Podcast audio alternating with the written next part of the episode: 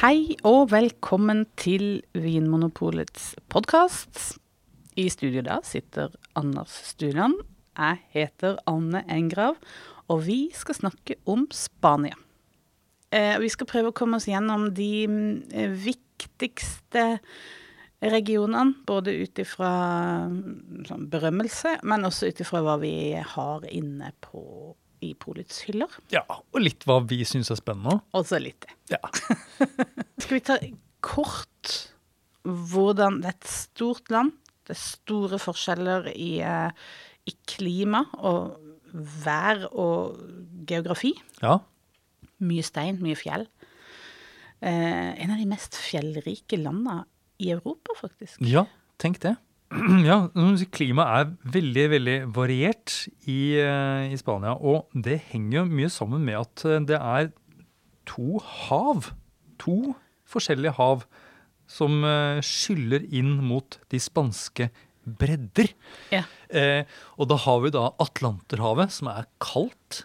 Ja. Eh, som, da, eh, som da ligger rundt den, den nordlige og vestlige delen av, av Spania. Og så har vi da den sørlige delen av Spania, og sørøst og østlige, vil jeg også si, som da er Middelhavet. Og det gir jo eh, to veldig, veldig forskjellige typer klima. Og så er det jo sånn at litt sånn som eh, Vestlandet her eh, i Norge, så får jo også Nord- og Nordvestlandet i Spania mye nedbør. De får mye nedbør. Ja, så du har, Det er grønt og frodig og relativt kjølig i nord-nordvest. Og så er det dette middelhavsklimaet i sør og øst. Og så har du da disse store Det er, det er en stor flate midt på.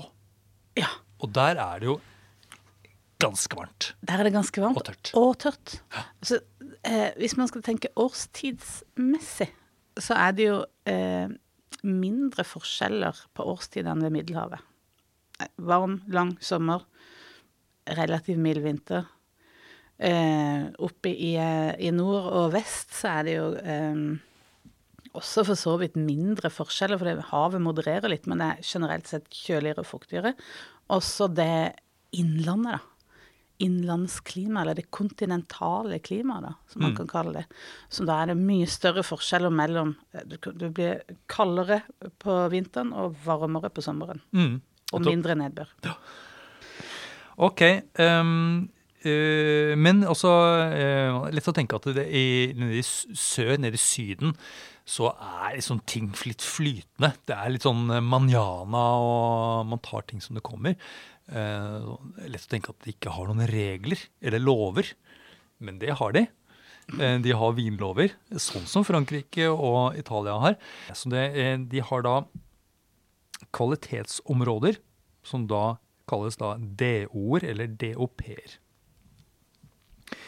Og det er eh, Det jeg har funnet ut at det er 68 slike DO- eller DOP-områder da, i Spania.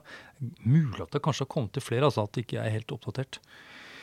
Eh, men inn under denne, eh, og det er liksom de, de det er det som er de beste vinområdene. Det er de som får denne DOP-statusen. Men inni eh, denne DOP-pakka så fins det da eh, noe som heter DOCA. Eh, som da står for Denominaciones de Origen Calificada. Dere får beklager spansken min, altså. Og det er to slike DOCA-er som da er liksom ekstra bra Toppen av kransekaka. toppen av kransekaka. Og de to områdene er da Rioja og Priorat, som vi skal komme tilbake til. Så det er de mest stolte av. Ja. I tillegg så har da spanjolene funnet på noe, eh, noe som jeg ikke Jeg skjønner det ikke helt, men eh, jeg kan prøve å forklare det. Jeg, Jeg, jeg, jeg forstår ikke helt hvorfor de har det. Men de har noe som da het, heter Vino de Pago. Eh, og det er et system som ble opprettet i 2003, så det er ganske nytt. Eh, og det er da det altså spesielle eh, eiendommer som får sin egen klassifisering. Som da på en måte får navnet til denne, denne vineiendommen. Som da eies av én produsent. Som har blitt spesielt berømt? Som har blitt spesielt berømt, og de får da en egen klassifikasjon. Eh, og det fins da 19 slike eh, Vino de Pago eh, som er skilt ut fordi de er spesielt bra. da. Og det pussige er da at Rioja, eksempel, som er det mest kjente området i Spania, har jo ingen slike Vino de Pago. Mens Castilla eh, La Mancha, som er et sånt høysletteområde midt i Spania, som har vært kjent for å lage sånn bulkvin, de har da ti slike.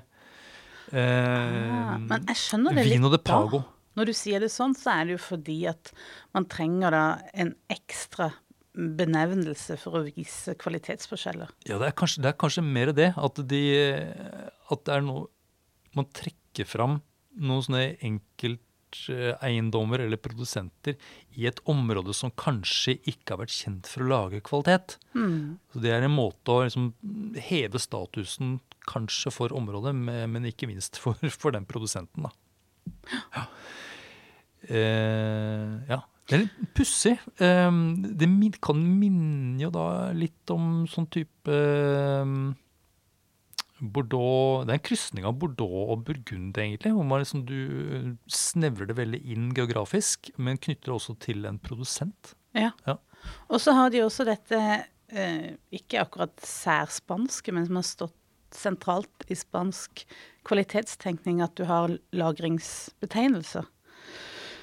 Og at med de lagringsbetegnelsene så eh, indikerer du hvor lenge noe har ligget på fat. Mm.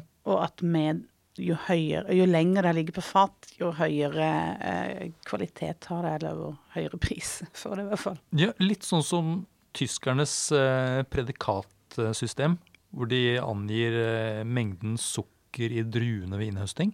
Så her angir altså spanjolene De har vært veldig opptatt av hvor lenge vinen har ligget på eh, Vært lagret, da, enten på fat eller flaske. Litt sånn som de tenker med skinka si. Ja, nettopp. Ja. Ja.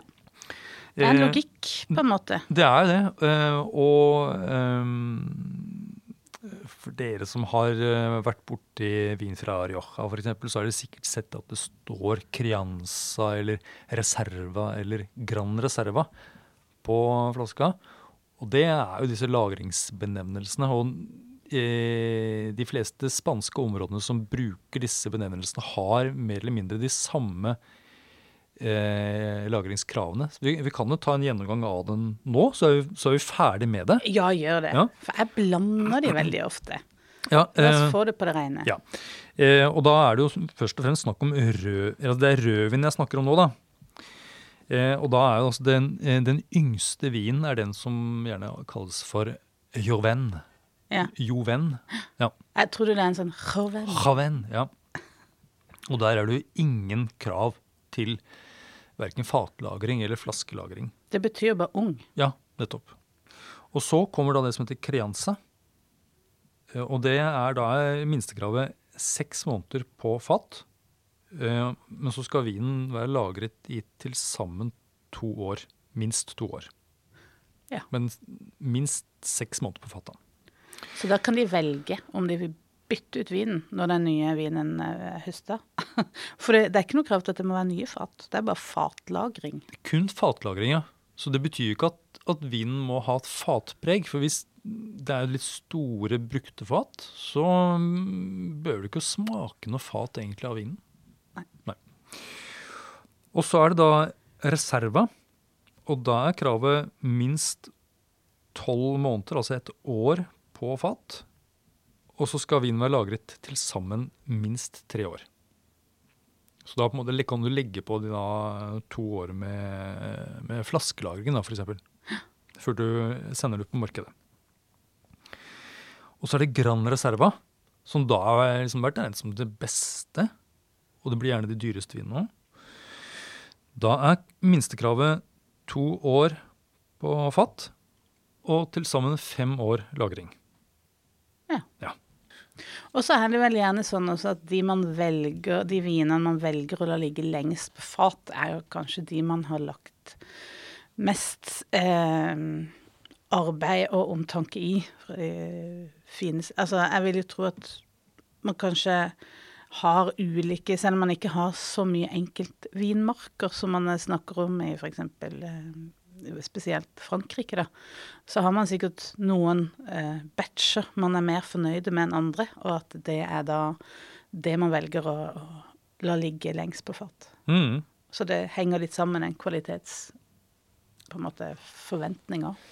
Det burde i hvert fall henge sammen. Men det er jo ikke noe Nei, vi, vi kan ikke si det for sikkert. Man kan ikke si det for sikkert, nei. Jeg, jeg tenker at det mm, Vil du ha en vin som uh, har fatpreg og gjerne litt utvikling, så er det jo Så får du jo sannsynligvis det hvis du kjøper en Gran Reserva. Ja. Det er den utviklingspreget. Ja. Vil du ha en fruktig vin uh, uten fatpreg, så er det jo Joven eller eventuelt en Crianza. Og det har jo vært en veldig kvalitetsheving, altså litt sånn stilskifte de siste åra mot det å, å, legge ned med innsats i de unge, fruktige vinene også. Mm. Litt forskjellig fra region til region. Det kommer vi kanskje tilbake til. Ja. Det er jo litt mer lønnsomt òg. Det er jo ikke noe Det er ikke noe penger i å, å, å liksom ha vinen på lager i fem år. Det er mye bedre å bare få det ut. det tenker jeg òg. I hvert fall hvis det ligger ferdig tappa på flaske. Mm. Eh, I tillegg til Rioja, som kanskje er mest, det man forbinder mest med spansk vin, så er det jo cava. Som er en stor merkevare fra, i Spania. Og cava er jo en, eh, musserende vin, lagd på tradisjonell metode. Det vil altså si sånn de gjør det i Frankrike. sånn de har gjort i, i eh, champagne. Og fram til 1970 så het ikke cava, det het faktisk champagne. Eller campagna. Heter det? Ja, for det, det, det, var oppkalt etter champagne. For det var en fyr som reiste og ble inspirert. Lærte seg å, å lage musserende vin. Det var på slutten av 1800-tallet tok det tilbake til, eh, til Spania, så han lagde champagne. Men det ikke Det fant ikke god jord hos uh, The French, så de Så da ble det rett og slett uh, kalt cava. Som betyr kjeller. Ja fordi, ja, fordi, jeg trodde det var det som var grunnen til at det het cava. Fordi det er liksom, vin ligger i kjelleren. Ja, men det var det de valgte. Det bare, da, pass, de måtte... det bare passet bra. ja. Champagne, cava. Ja, det er jo en eh, snedig overgang, da. ja, det er, det er, jo egentlig det. Ja. Um, og det er jo også eh, en, en DO, som du nevnte. Eh, men fram til eh, eh, Spania ble medlem av EU, så var det ikke knytta til et område. Det var knytta bare til en metode. Så de kunne Druene man brukte da i en cava, kunne komme fra hvor som helst i Spania? Så lenge du lagde det på den oppskriften, da. Men uh, da, de ble, uh, da, de ble, med i, i, EU, så sa EU nå må dere skjerpe dere, og så må dere knytte det til et geografisk sted. Det er det det jo handler om, at det skal være en At det skal komme fra et sted. Eh, og da eh, ble jo da den løsninga at det ble ganske flekkete. Det var mange steder som hadde allerede en tradisjon for å lage kava, som fikk eh, lov til å kalle seg kava. Eh, og det er egentlig over nesten hele Spania. Du kan finne det i Valencia og i Rioja og i Baskoland og veldig mange steder. Men når det er sagt, så er jo det aller, aller meste i eh, Catalonia. Altså i den nordvestlige eh, hjørnet ned mot Middelhavet. Nordvestlige? Det blir ikke det? Nei, det blir nordøstlige. Ja. Jeg blander alltid øst og vest. Ja, nå så jeg det for meg. Hvor er Anne nå? Jeg er egentlig i nærheten av Barcelona. Ja, ja det, er det, det, er det, det er det østlige, østlige delen, er det ikke det? Jo, det, det, blir inn mot den franske grensen, men på middelhavssiden.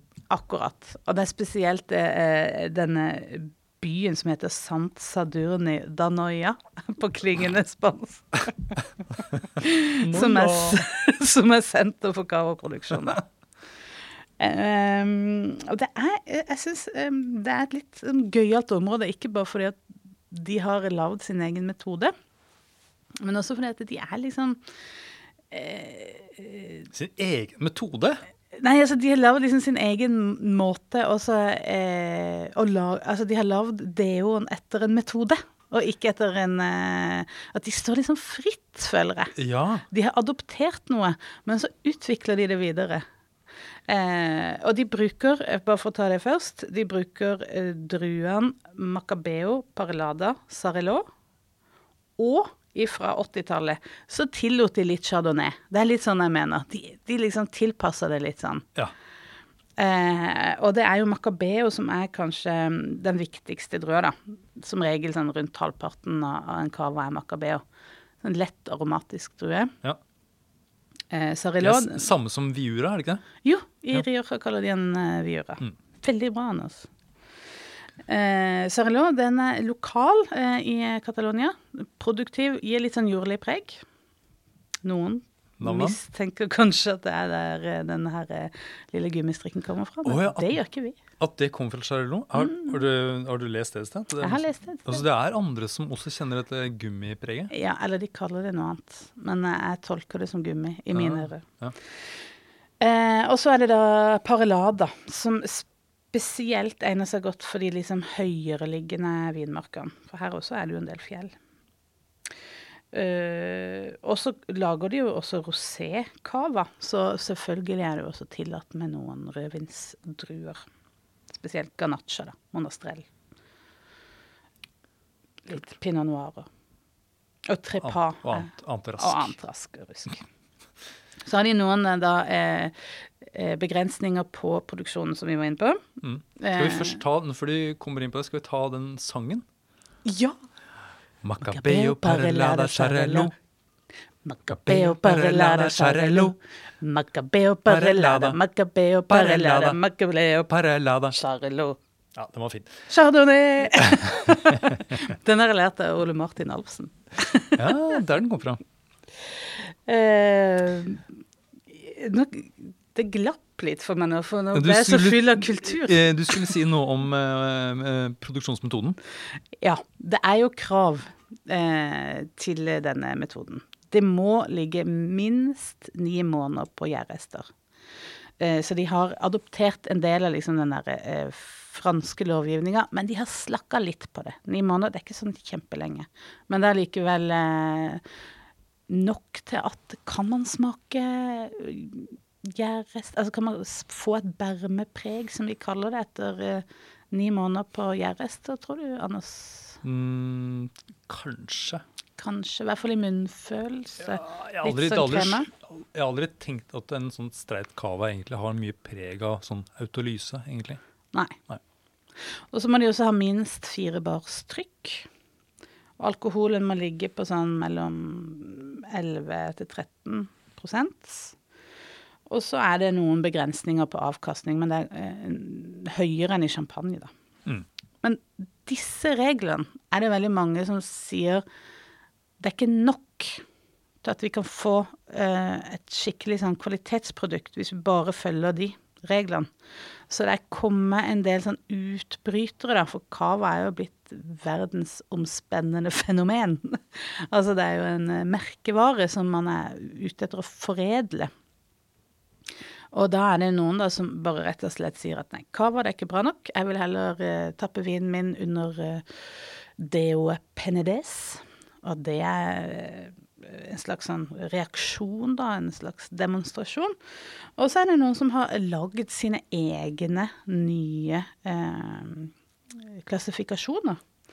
Eh, det er eksempel eh, en enkeltvinmarks klassifikasjon som ble oppretta i eh, 2014.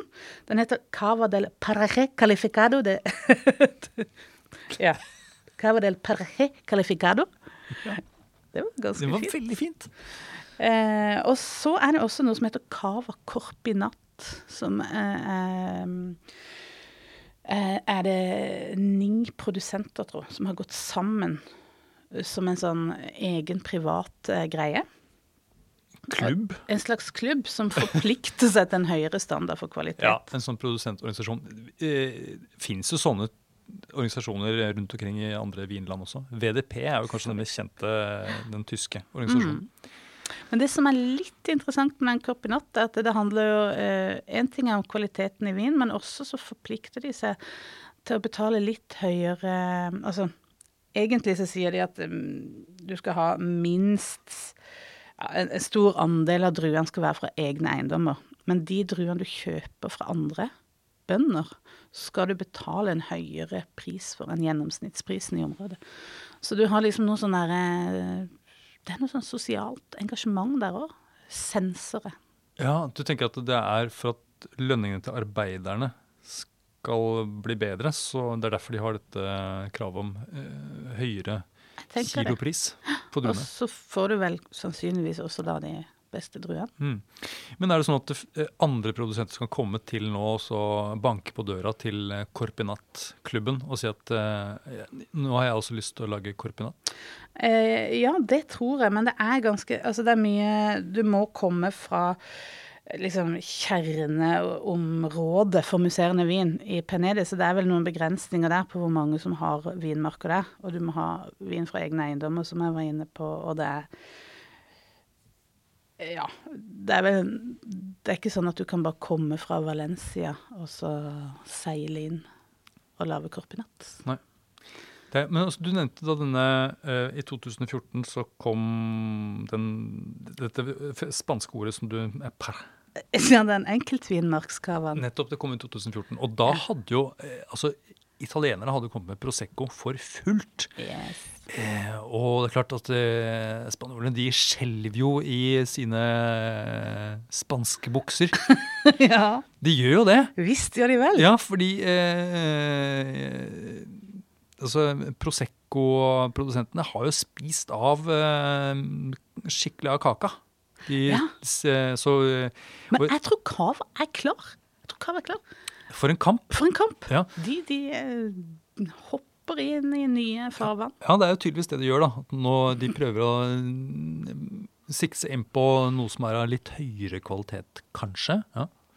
Ja, for det er jo litt mer krevende å lage en musserende vin på den tradisjonelle metoden enn en, en, en, en Prosecco som lages mer, ja, kaller det industrielt, da. Ja. Mm, mm. Jeg vet også at det er spansk, altså cava-produsenter som har investert i Prosecco. Å! De går den veien, ja. Mm. Ja. Da tenker jeg da det er nesten som å si at Prosecco har vunnet. Ja, det har du kanskje rett i. Men uh, smart. Nei, da, nå er vi ferdig med, med museene, så da eh, går vi da til eh, det som er kanskje eh, mest kjent eh, fra Spania, og det er da Rioja.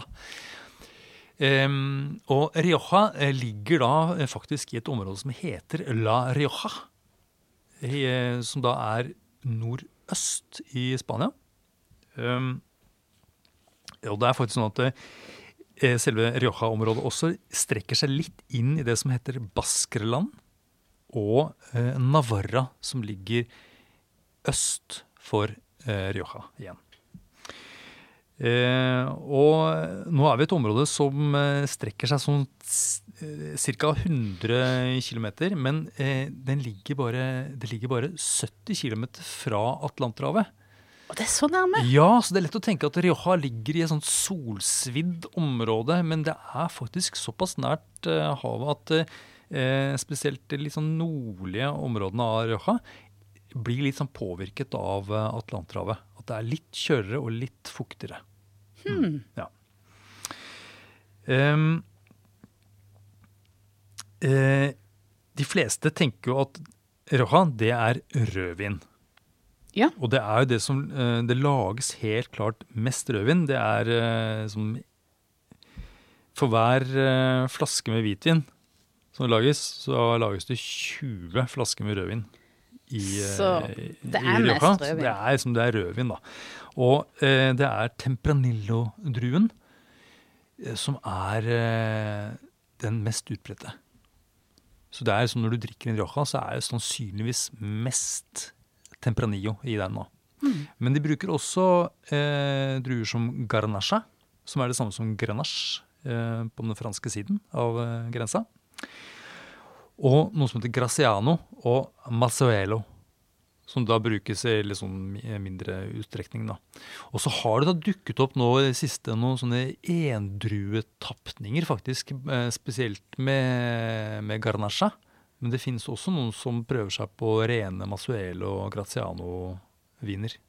Det høres ut som noe for vinklubben. Mm, absolutt. Men det vanligste er altså da en, en blanding.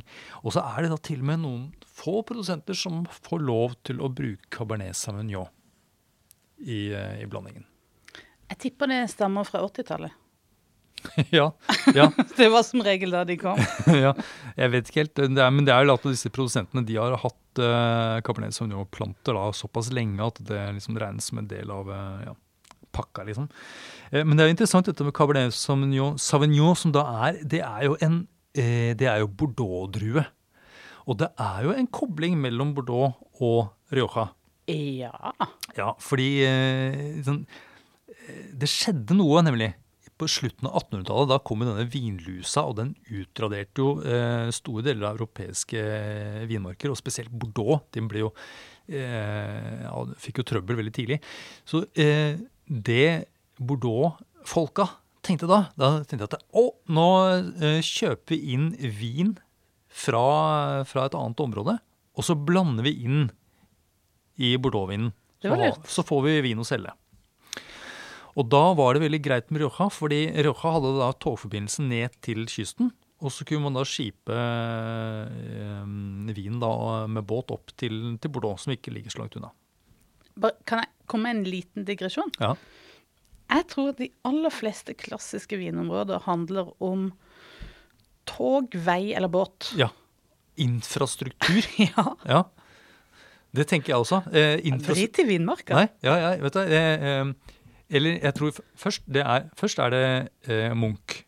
Ja, Munch er viktig. Munch er viktig. Mm. Og nummer to tog eller elv. Ja. eller en, en havn. Eh, ja, nok om det. Ja, det er en Eh, egen episode, føler jeg. Men så kom det altså disse Bordeaux-folka. De kom da til Rioja, og da begynte de å blande seg inn i hvordan de lagde vin i Rioja. Og eh, Bordeaux-folka de hadde med seg denne eh, tradisjonen med å lagre vin på fat. Ikke sant? Så det var da de begynte med fatlagring av Rioja. Det var på slutten av 1800-tallet. Men, eh, Og franskmennene de lager mye fat selv. Men så spansk, eh, spanjolene de, eh, de var jo svære år i, eh, i Amerika. Amer. Amerikas. Så de, de tok jo med seg masse eik fra Spania. Nei, fra USA. Det var lurt. Ja. Så derfor så har Rioja de har masse fat av amerikansk eik, rett og slett. Og den amerikanske eiken, hviteika, den gir jo eh, et sånn tydeligere vaniljepreg på vinen enn det fransk eik gjør, da. Så bruken av fat fikk de fra Bordeaux, men fatene det har de henta i USA. Hm. Men nå er det sånn at det er en del av disse Rioja-produsentene som nå har begynt å eh, bruke en del franske fat også. Og man snakker liksom en sånn moderne Rioja-stil, som er en litt sånn mørkere fruktighet, en litt fastere vinstil. Og med disse franske fatene som kanskje ikke gir en så, hva skal jeg si, så mye aroma.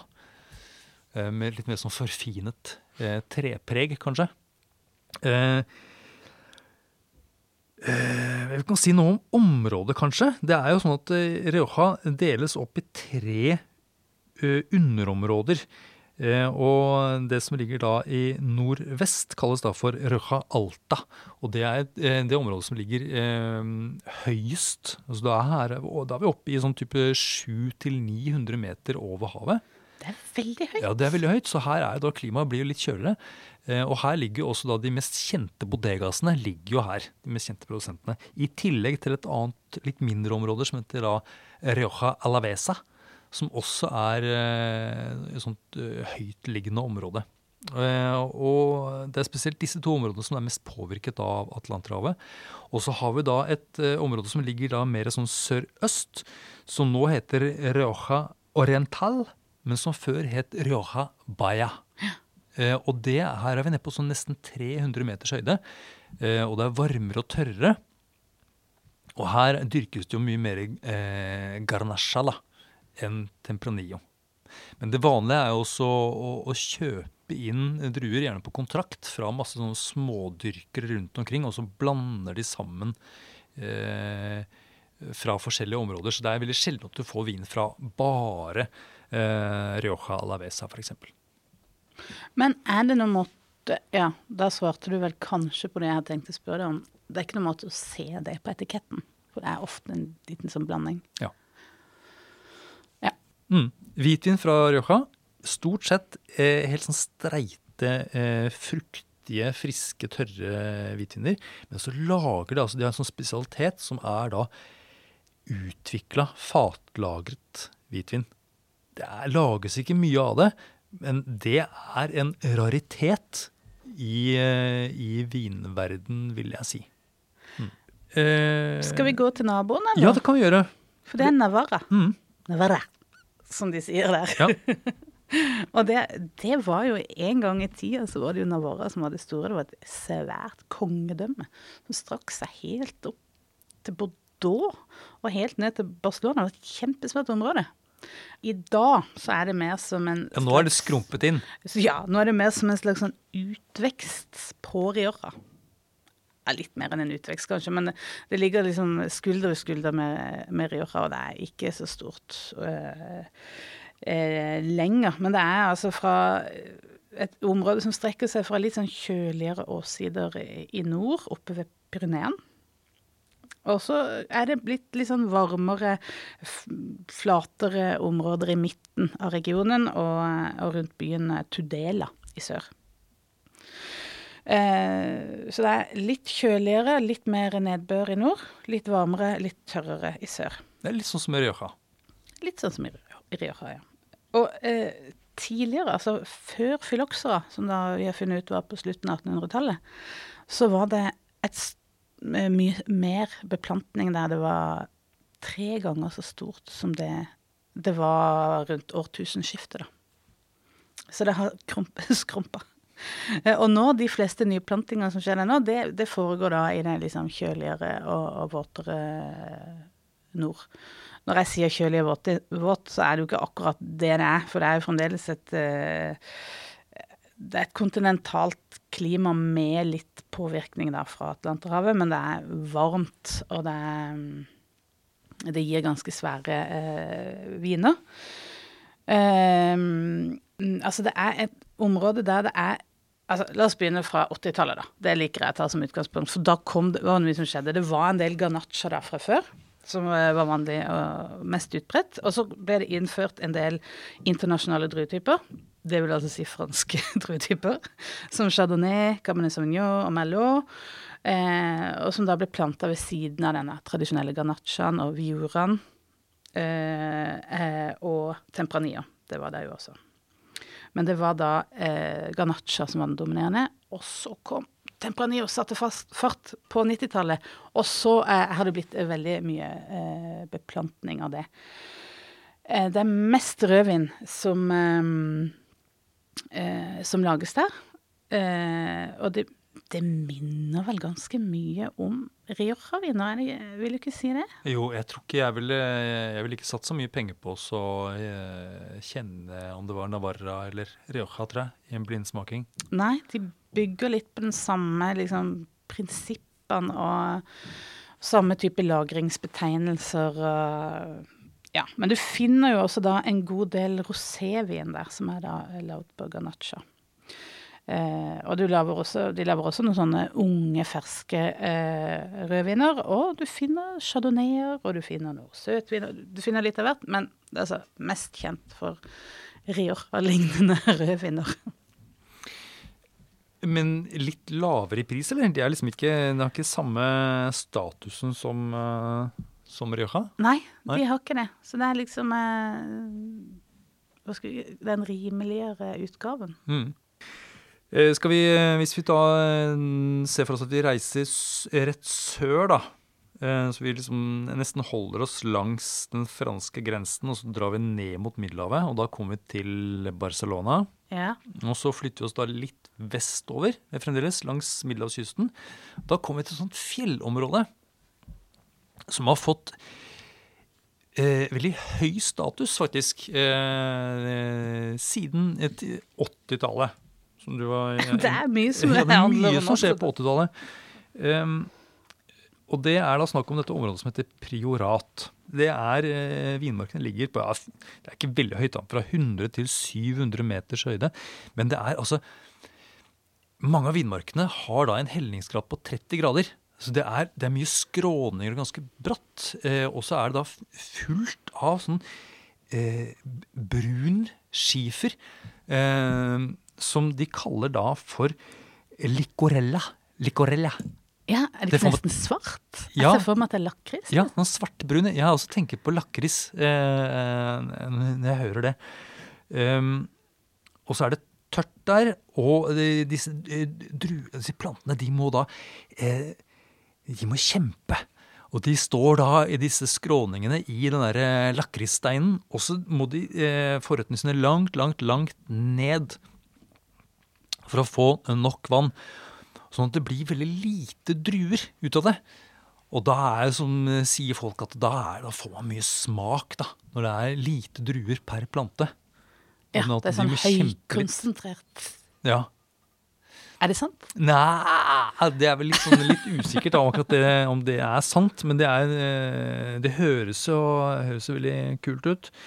Ehm, Det er jo altså, selv om altså, det er et lite område så det, det, er, det produseres ikke uh, veldig veldig mye vin der, egentlig. Uh, men det lå liksom litt brakk, dette området. Uh, fram til sånn slutten av 70-tallet. Det var munker, som vi snakket om i stad. Munkene kom på 1200-tallet. Eh, sleit seg opp i disse skråningene, plantet eh, vinplanter og begynte å lage vin. Eh, og så, etter hvert, eh, så fant folk ut at nei, det var slitsomt å lage vin der. Sånn at eh, på sånn 1970-tallet så hadde dette, eh, disse vinproduserende områdene i Priorat hadde skrumpet inn til under en femtedel.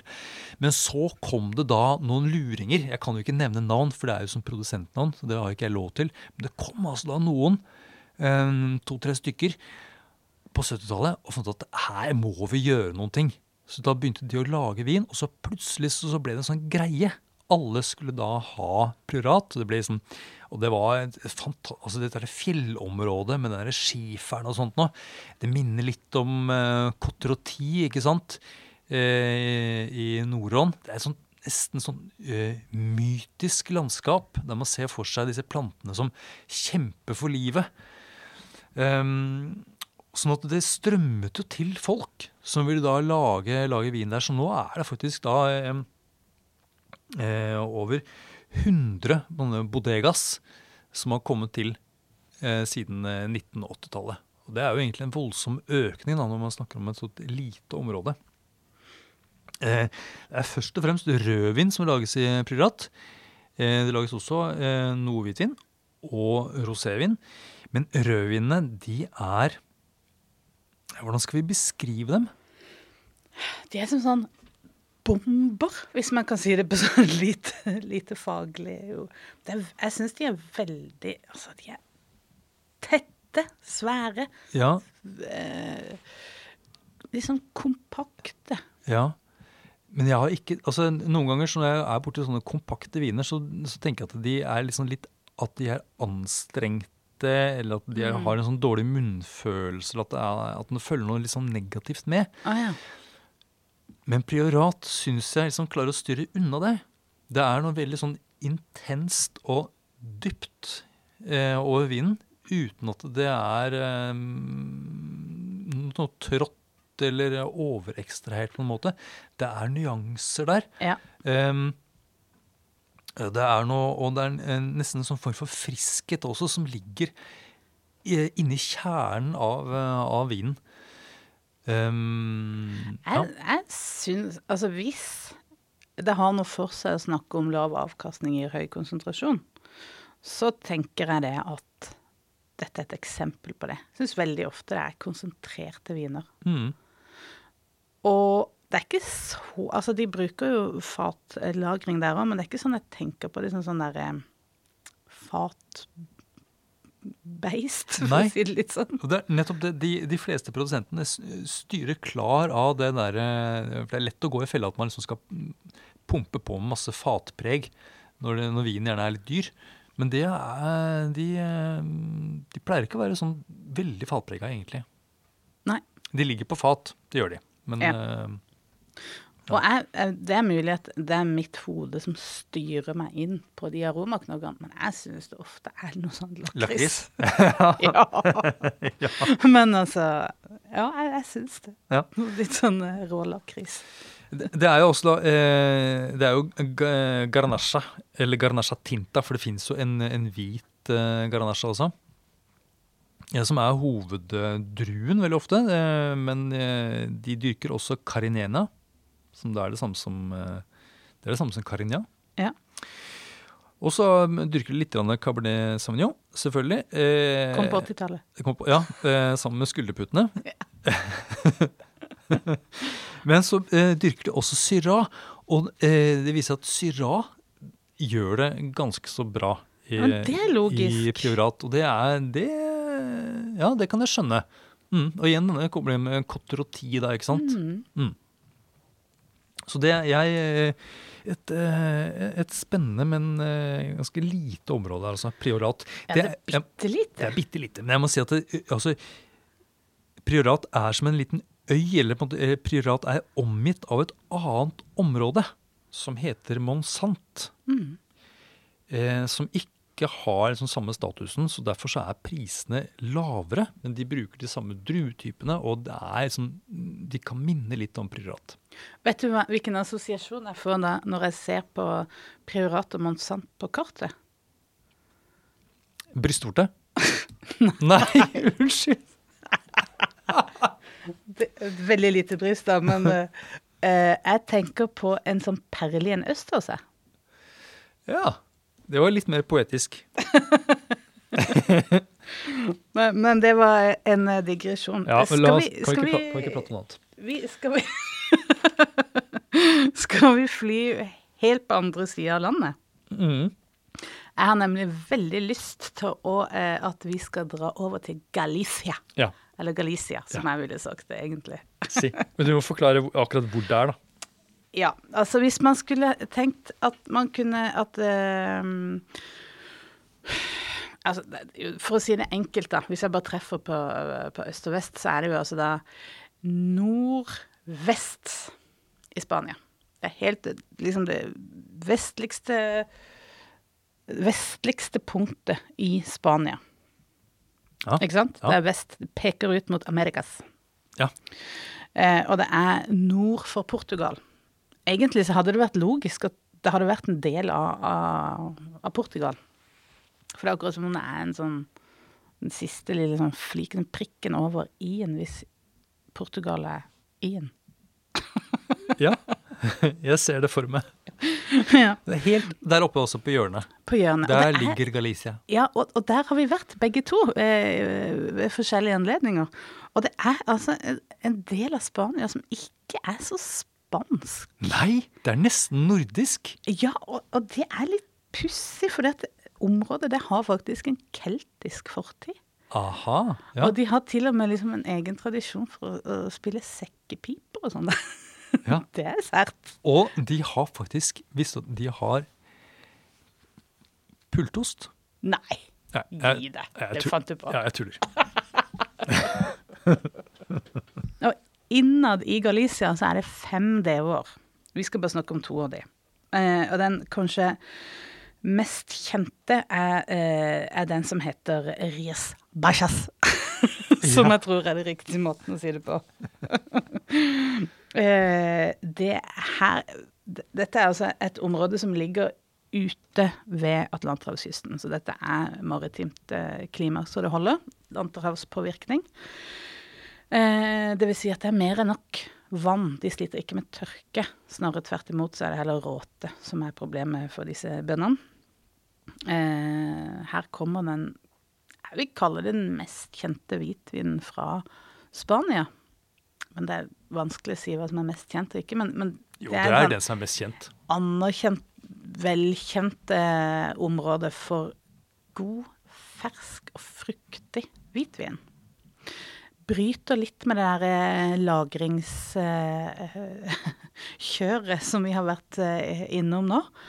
Eh, ståltanklagra eh, Albarinho er på en måte varemerket. Det aller meste som kommer herfra, er det. Ja, det, det tror jeg mange har vært borti nå. Um, altså druetypen albarinho. Det tror jeg, og det var jo mm. Altså, det er jo et relativt sånn nytt område altså At det har fått sin anerkjennelse i det seinere tid. I 1987 var det bare 14 produsenter her. I Rias Beisjas? I Rias Beisjas. Men i, uh, i, 2012, da, som er det jeg har tall på, så var det 177. Så med fremveksten av den uh, her eh, friske, fruktige hvitvinen og den eh, elsken vi har fått på det, så har det fått en voldsom oppsving og en popularitet. Og det markedsfører Nei, markedsfører, sier jeg. Det um, sysselsetter veldig mange i området her jeg tror det er 7% på årlig basis, og så stiger det veldig da under innhøstninga. Mm. Så det er en viktig, viktig del av Galicias kultur nå, egentlig. Hvordan vil du beskrive en sånn typisk albarinho, da? Jeg vil veldig fort uh, begynne å snakke om Riesling. ja, ja, for det tenker jeg også på. At det er noe rieslingsk eh, over Albarinio. Eh, kanskje ikke like frisk, men det er friske viner altså med tydelig syrestruktur. Ja. Og så har de en del frukt. Så, ja, mm. og det er sånn sitrus, eple, blomst ja. Kan ha innslag av noe sånn fersken, noe ja, sånn småtropisk. Sånn moden frukt, og mm. kanskje litt urter og sånn. Ja. Men alt dette kan man jo også finne i en Riesling. Mm. Hvordan ville du ha skilt hvis du skulle gitt noen råd til noen som skulle opp i eh, kvitt eller dobbelt Riesling Albarinio blindsmaking? Ja, jeg vil vel kanskje sagt at det er mer blomster i Riesling og litt mindre friskhet i Albarinio. Og så syns jeg kanskje at Albarinio av og til har et lite grep. En sånn liten ruhet ja. i munnfølelsen. Ja. Som kanskje kommer fra noe bærmelagring eller noe. Ja, eller fra skall. Jeg vet ikke. Ja. ja. ja mm. um. det, det, er altså uh, Bare for å sagt det, det er tillatt med noen andre hvite druetyper inn i blenden her også. Det kan jo spille inn, men det er aller, aller, aller mest albarinho. Ja. Og så heter, den da, og så heter druen da alvarinio på andre siden av grensa. For det er jo Portugal, en, ja. For det er en viktig drue i eh, Vino Verde, som da er liksom dette vinområdet på portugisisk side. Ja. Absolutt. Eh, hvis vi da skal gå over til et eh... De lager rødvin. Ja, de lager rødvin. Ja.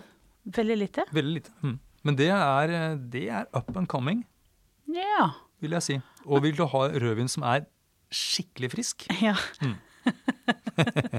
da, det, da, skal du ha rødvin fra Rias Beijas. Eh, vi drar litt innover i landet. Nå har vi vært ute helt utover kysten, og så drar vi innover i landet. Og så drar vi opp til Ribeira Sacra. For det er kanskje et av de mest spektakulare svinområdene man kan eh, besøke. Ja. El spectacular. Eh, jeg, jeg ser liksom for meg det er, litt, det er nå jeg var der på tidlig på våren, før det var begynt å bli grønt, så det var helt sånn det var ikke, ja, fortell, for, farve! Ja, men du, litt, for, eh, Spol litt tilbake. Eh, spol, ja, ja. fortell om de, de første møtene med Revera Sacra. Ja, jeg, jeg, jeg, kjørte der i bil sammen med Marie Steffens fra Vinbladet. Og vi kjørte. Svingete svinget svingete vei. Jeg var litt kvalm, for jeg hadde spist kake på kakebuffeen til frokosten. og så kjørte vi veldig mye svinger, og så plutselig rundt en sving Ja, for det er litt sånn det skog og sånn, ikke sant? Man ja. kjører gjennom skogen. Litt sånn kupert opp og ned, Altså veldig svingete, da. Mm. Eh, så var det bare som et sånn juv som åpner seg. Og det er altså en elv lengst nede som har da bratte, bratte vinmarker på begge sider i en sånn Heter det meander? Altså en sånn derre eh, Svingete ja. elv. Det ser ut som et månelandskap, egentlig. Og, og, det ene er naturen, men det andre er at de har jo altså da planta vinstokker langs disse åssidene i terrasser, da, for det er jo så bratt at du kan jo ikke bare ta det rett opp sida, du må lage sånn skiferterrasse. Og dette har vært gjort siden ja, de gamle romerne. ja. Så de har holdt på med dette blodslitet. ja, det er helt, helt vilt. Jeg får gåsehud når jeg sitter her og, og tenker på det. Det er den der å øh, komme inn i det området og så bare se ned i dette juvet, som du sier. Det er noe sånn Eh, postapokalyptisk. Ja. Eh, og det er disse terrassene det er jo, Noen steder så er det bare plass med til én rad med vinplanter per terrasse. Som de har stablet stein på stein på stein på stein. Um, Jeg blir helt utslitt av å tenke på det. og så har de eh, et sånt sinnrikt system med, med, med sånne smale togskinner, eller sånn spor, som de da frakter sånne vogner eh, med, med, med, Druer. med druene når de høster inn. For det er så vanskelig å bevege seg opp og ned i disse skråningene. Eh, jeg så en eh, produsent fortalte at de bratteste vinmarkene har 85% helning. Men kan det stemme? Det er nesten rett opp, Det det. hørtes ut som skryt. Men det er helt sjukt bratt. bratt er det i hvert fall. Det er noe med altså Disse vinområdene som har et veldig spesielt landskap, det er en, eh, det er en fordel, og det er lettere å liksom, eh, Det blir en sånn historie rundt det, noe som vi forteller om nå, egentlig. Mhm. Eh, så det, har- det har blitt en eh, Det har blitt en interesse for vinene herfra. Ja. Rødvin, først og fremst. Først og fremst rødvin. Mhm. Og det er jo Mencia som er hoveddrua, med en del eh, eh, lokale eh, andre rødvinsvarianter også som kan blendes inn, men det er som regel mest Mencia, da. Mm. Og eh, det er jo en eh, eh, plante som takler disse ekstreme forholdene, da. For der er det jo litt inne på det hvilke planter klarer å overleve dette. Der er jo drueplanten god, og Mencia klarer det, altså. Det er nesten ikke jord, det er nesten bare stein. Det er nesten ikke vann. altså, det er et sånt derre håpløst prosjekt. Ja, Men det er jo ikke like tørt som lenger inn i landet. Det er, du, har, du er såpass nært kysten at du kommer inn litt regn eh, Ja, en det gang gjør jo det. Ja. Men det er jo ekstremt veldrenert, da. Så det Ja. ja, det er sant. renner jo nesten bare rett gjennom. Hvordan vil du beskrive en, eh, en eh, Ribera Sacra-rødvin, da?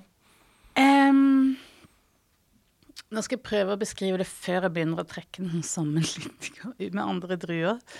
Det er ganske sånn eh, rødbærsfruktige, litt sånn blomsterprega viner. Men det er mm, veldig sånn leskende. Det er ikke mye tannin. Sånn, vi snakker om eh, rødvin fra Rias Baisha som er ekstremt syrlig. Dette er ikke ekstremt syrlig, det er mer en sånn innenfor vanlig rødvinsyrlighet. Og eh, kan være fin og nyansert og få noen sånne urteovertoner som jeg syns utpreger seg på de beste mensiaene. Helt enig. Det er noe sånn eh, Det har en sånn form for villhet over seg. Dette er urte, nesten sånn lyng. Noen ganger så kan det ha noe sånn snev at det er sånn blod- og pepperpreget som du kan finne i syra, samtidig som de liksom har noe at det er litt sånn et forfina preget som du kan finne i pinot noir, f.eks. Ja. Og så har den også noe litt sånn litt grønne innslaget som man kan kjenne i cabernet franc. Som man liksom hadde krysset da syra, pinot noir og cabernet franc. Da har du Mencia. Det Ja. høres ut som en, eh, den perfekte rødvinen. ja.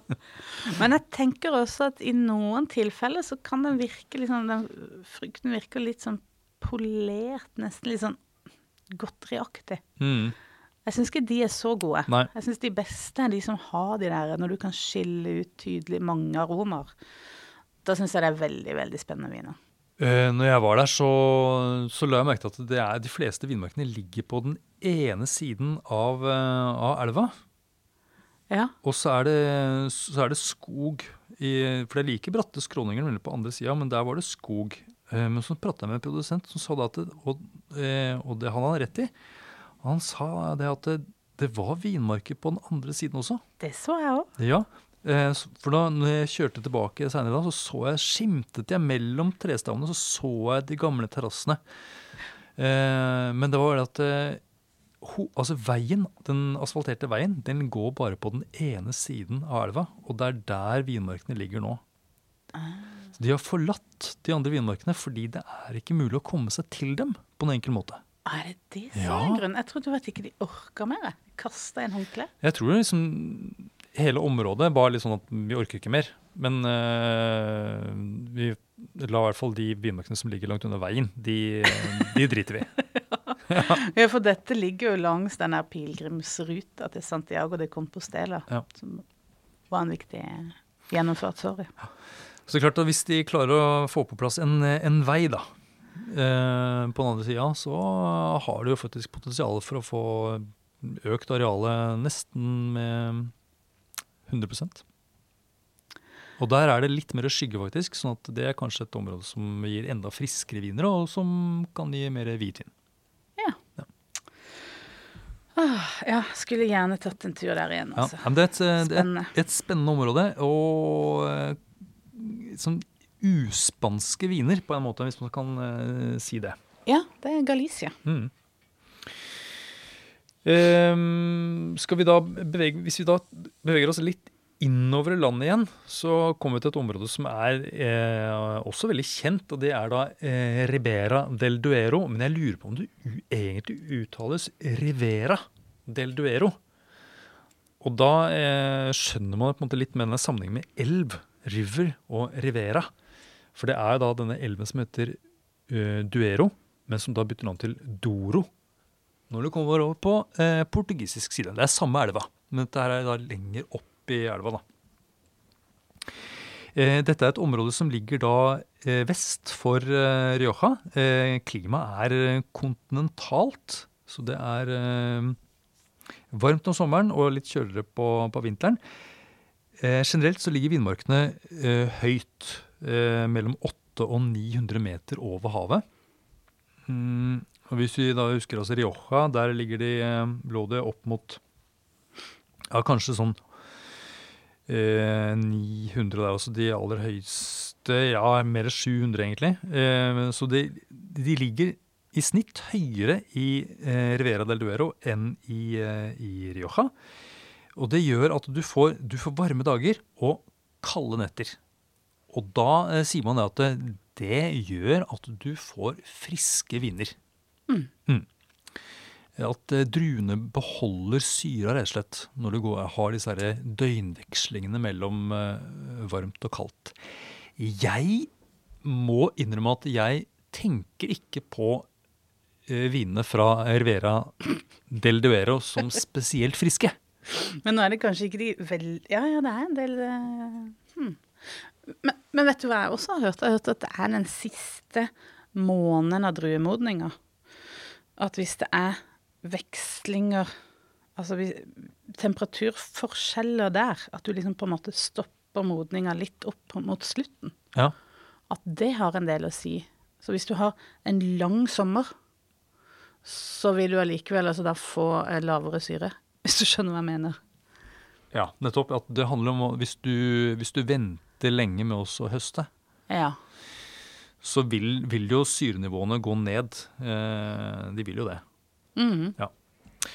Eh, og, ja, og de har jo tradisjon for å De høster seint der, altså. De gjør jo det. Eh, mest kjent for rødvin, eh, Rivera del Dero. De lager også noe rosé. Og så har de faktisk altså åpnet opp eh, fra og med 2019 eh, for hvitvin i, eh, innenfor DO Rivera del Duero. Så det vil eh, dukke opp etter hvert. Verden vil ha hvitvin. Ja da.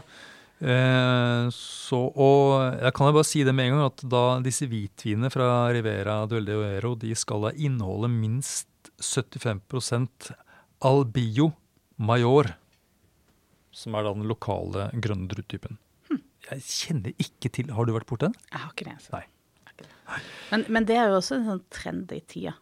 Vi er ikke på 80-tallet lenger. Hadde dette blitt slutt på, på 80-tallet, hva trodde de hadde planta der? Chardonnay? Ja. Ja. det er sant. Det er typisk at nå vender man tilbake til disse lokale druesortene. Ja.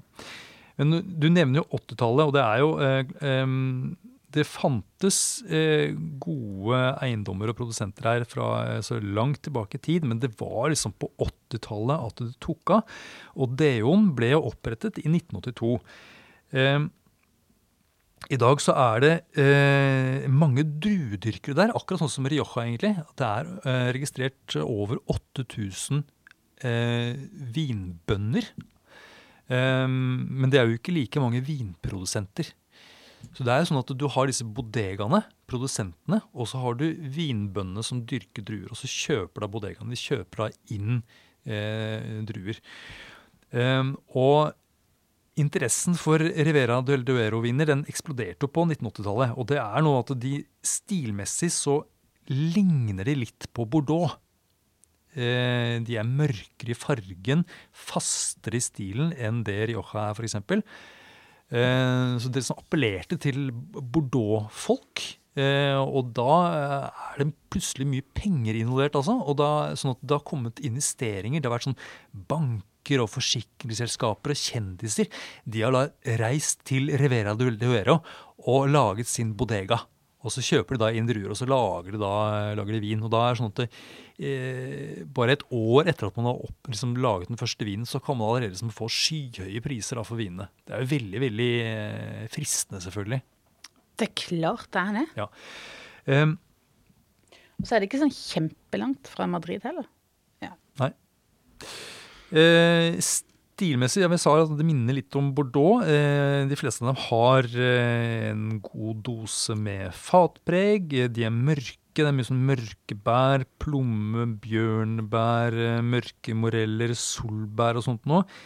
hvis jeg skal være litt sånn De har en tendens til å overekstrahere vinene sine, syns jeg. Hva tenker du? Ja, at de blir litt sånn grove i munnfølelsen. Ja. Um, ja. Men det, men det, er klart det er forskjeller, altså. Og noen av dem blir skikkelig gode altså, med lagring. Lagringsdyktige viner, mange av dem. Mm. Ja. Uh, nei, det skal bli spennende å se når hvitvinet dukker opp. Det skal bli spennende å se. Mm. Jeg er litt ferdig med Eruera Det er jo en, et kjent område. Men mulig at vi har glemt det om ti år. Ja. Men En brannfakkel der, altså. Men um, Madrid, Nei, har, Madrid det, har vi ikke glemt. For uh, nå har jeg lyst til at vi skal snakke om noe som er, er kanskje det noe av det, kanskje det sånn heteste, mest trendy i Spania akkurat nå. Ja. Er jeg inne i trendbildet da, hvis jeg sier det? Ja, ja. ja, ja, ja sånn on top of it. Um, Madrid er jo enkelt å forholde seg til. Det er midt i, i Spania. Det ble grunnlagt av, av, kongen for at den skulle ha like langt til hele landet. Like lang reise til hele landet. Eh, og en Ja, for heter, Det heter kongen av spanjolene, og ikke kongen av Spania. Oh, ja. Så vidt jeg har skjønt. Ok. Ja. Hm. Fiffig detalj der. Mm, ja.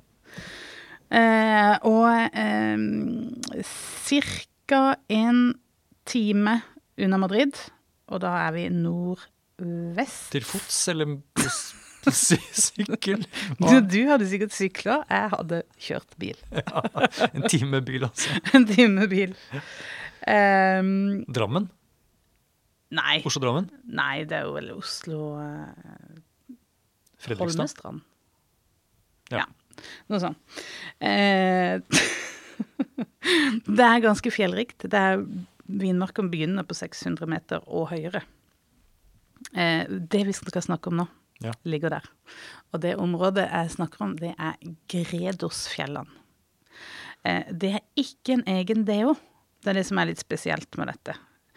Eh, for det er noe som holder på å vokse fram. Det er eh, den offisielle DO-en ville vært kanskje Mentrida eller Madrid eller Altså, det er et område der som er ganske stort og diffust, men akkurat disse her Gredosfjellene eh, er en, eh, et sted der unge, jeg har lyst til å si unge, i hvert fall liksom fremoverlente vinprodusenter har slått seg ned for å dyrke ganacha på en litt sånn eh, lettere nyansert måte, for de er høyt oppe i fjellene. Det er fremdeles et kontinentalt klima, så det er varmt, men de er så høyt oppe at de får, liksom, de får denne her temperaturvekslinga som vi snakker om, så de får den modninga til å gå litt saktere. Mm. Jeg ser for meg en litt sånn ung, framoverlent eh, produsent på en, sånn, en litt sånn kjølig skråning med noen sånn gamle Garnasja vinstokker. Ja, for det, det, er viktig at du sier. Det er, det er gamle stokker her. Dette er et område med masse eldgamle ganache-vinstokker. Ja, og det er jo litt sånn typisk, egentlig. Denne, disse nye vinmakerne som kommer nå, de snuser opp sånne vinmarker med sånne gamle, knudrete ja. pensjoniststokker. Og så lager de viner som begeistrer uh, Jancis Robinson og Erik Asimov og, sånne Louis Guterres, sånne viktige vinskribenter. da, Og de har fått, eh, de har fått verdens øyne på seg, denne her lille gruppa. Er det sånn naturvinfolk også? Ja, ja, det vil jeg si. Mm. Eh, sånn lavintervensjonsviner. Jeg sier det, så for, ser jeg du får bare sånn her eh, brekningsfølelse så bruker det ordet. Men altså bruker lite tilsetninger og dyrker igjen økologisk. og at det er Det er viner som mm, man kan kjenne igjen Garnaccia, kan man ikke det? Ja. At det er liksom ja. den derre eh, overtonene, de derre eh, liksom blomsterduftene. Jeg bruker så mange gammeldags ord. Nei, men, jeg skal snakke om trender. Ja, og det er noe, og, og noen sånne modne jordbær, og det er noe sånn rød frukt. Og som Nesten har det litt sånn hint av litt sånn sylta også. Ja, for dette er jo en plante som egentlig tåler varme veldig godt. Det har vi jo snakka om med ganache i andre regioner òg. Eh, men ved å gå så høyt opp som de gjør her, og, og, ved å dyrke på den måten de gjør, de metodene de bruker, så får de kanskje en liksom eh, ekstremutgave av ganachaen, eller? Ja. Det er mange som beskriver det som den burgundske ganachaen. Mm, ja, det var egentlig godt sagt. Det, vet du, det mm. Og det er vel dette med nyanser, at de er ikke ute etter ekstrakt, men at de skal liksom få fram mm, flest mulig av disse her liksom delikate eh, aromaene. Da. Ja, fordi altså grenache, eller garnacha, det er ja. jo sånn, det er en drue som brukes i uh, chateauneuf de pape, f.eks., og vi nevnte jo også priorat fra Spania. Så Vanligvis er, forbinder man det med litt sånn, litt sånn uh, større fyldigere, eh, mer sånn moden frukt. Mens her er det mer delikat. Ja. ja. Det er litt sånn spennende. Ja, Hvor høyt over havet var det du sa det var? Altså Det begynner på 600. Jeg ja. har ikke noe sånn maksantall, men det er liksom, det går oppover. Ja, og da er det, eh, Regelen er vel at du regner én grad kaldere for hver hundrede meter. Ikke sant. Ja. Så det er jo kjøligere. Mm. Det er helt klart kjøligere. Um, jeg syns jo at uh, det jeg har smakt av, av disse typer vinene Når jeg har hørt den beskrivelsen først, så blir jeg ofte litt Jeg blir litt skuffa når jeg smaker det. Ja. For de har en sånn her veldig uh, Jeg har en sånn veldig idé om at det skal være så utrolig fokusert og flott, og så er det ofte noe litt sånn Det er litt sylt, og det er ganske høy alkohol òg. Sånn de jeg har mm. smakt, i hvert fall. Ja. Men jeg tror kanskje du har smakt litt flere enn jeg Nei, men jeg, jeg, jeg, er litt, uh, jeg, er litt, enig. Så de har et Du må sånn sette det i en sånn spansk sammenheng. Mm. Ja. Tenker ja. jeg. Uh, og, for være, og, og for å være garnasje, eller grenache, så tenker jeg at de er relativt uh, friske. Og har mye nyanser. Ja. ja en del som er litt sånn reduktive og litt sånn ja. pussige. Må... Ikke mye fatpreg, vanligvis. Dette Nei. her er jo disse, disse framoverlente produsentene. De... som der var duftende viner? ja. De, eh, det er klart, ja, det er ikke så mye fat, nei. De, eh, det er mer, større sjanse for at det er betongegg eller amfor her. og sånt. Ja. ja. Eh, men hvordan skal man finne ut hva som er disse her Gredos-vinene? Mange av de står jo Gredos på etiketten. Og, og, det er ofte at de tappes under Vinjo de la Terra de Castilla y León, som er en kjempestort administrativ del av landet. Mm. eh, så hvordan ville du ha Hva ville du ha gjort for å finne fram til disse Gredos-vinene? Uh, jeg ville, hvis jeg var i en butikk, så ville jeg spurt En som jobber der. Og så sier den personen nei, det, vi har ikke noen inne. Da må jeg bestille, da. Ja, da vil jeg ha, da vil jeg ha googla. God idé. Ja, men jeg tror ikke vi har glemt dette om ti år. Nei, det tror jeg ikke. Dette her er eh, Dette mm, kommer vi til å høre mer om. Det Mm. tror jeg. Når de, da har de blitt gamle, de eh, framoverlente produsentene. De er ikke så unge lenger. Nei. Eh, nå drar vi ut på havet, Anne. Åh, det blir ja, deilig, da. eh, vi skal til Kanariøyene. Granca. Men de lager faktisk altså vin eh, eh, på Kanariøyene. Eh, og det har de gjort lenge. altså. Jeg jeg skal ha bare lyst til å bare si noe eh, eh, først om akkurat det. Fordi du har hørt altså, uttrykket hummer og kanari. Ja. Mm. Eh, hva, hva har du sånn sett for deg da, når du hører sånn Jeg har sett for meg en eh, hummer og en kanarifugl. Jeg ser jo for Ja. meg at vi blir spist da. Det er jo det vanlige. Ja. Det er det de fleste tenker. De ser for seg da denne hummer og, en hummer og kanarifugl. Men det er altså da Uttrykket stammer fra eh, den gangen det var nyrike folk i Norge, eh, starten av 1900-tallet, som dro på Grand Café annet, og så bestilte de det dyreste de hadde. Og det var da hummer. Og til drikke så bestilte de kanarivin. Og det var altså en søt sterkvin, visstnok. Som eh, Kanariøyene da var kjent for. Det hadde de laget da i flere hundre år, egentlig. Eh, så det er der det kommer fra, altså. Eh, og det er det altså eh, Da velger man liksom det dyreste, men blandingen er da umake. Og jeg, eh, det, jeg har lest at det er sånn mange som syns det er veldig rart med dette søte mot denne salte hummeren. Men jeg tenker at det Kanskje de var inne på noe? For det er ikke så gærent å tenke på salt og søtt sammen. Nei, det er Nei. veldig godt vanligvis. Mm. Men jeg tror ikke det var derfor de valgte det. Nei, altså Sautern og ostepop, for eksempel. Og Det syns jeg er skikkelig, skikkelig godt. Og det er jo salt og, salt og søtt. mm. Eh, mm, så, men hummer og kanari der, altså. Det henger sammen da med Kanariøyene. Det var en gøyal fun Mm, fact. ikke sant?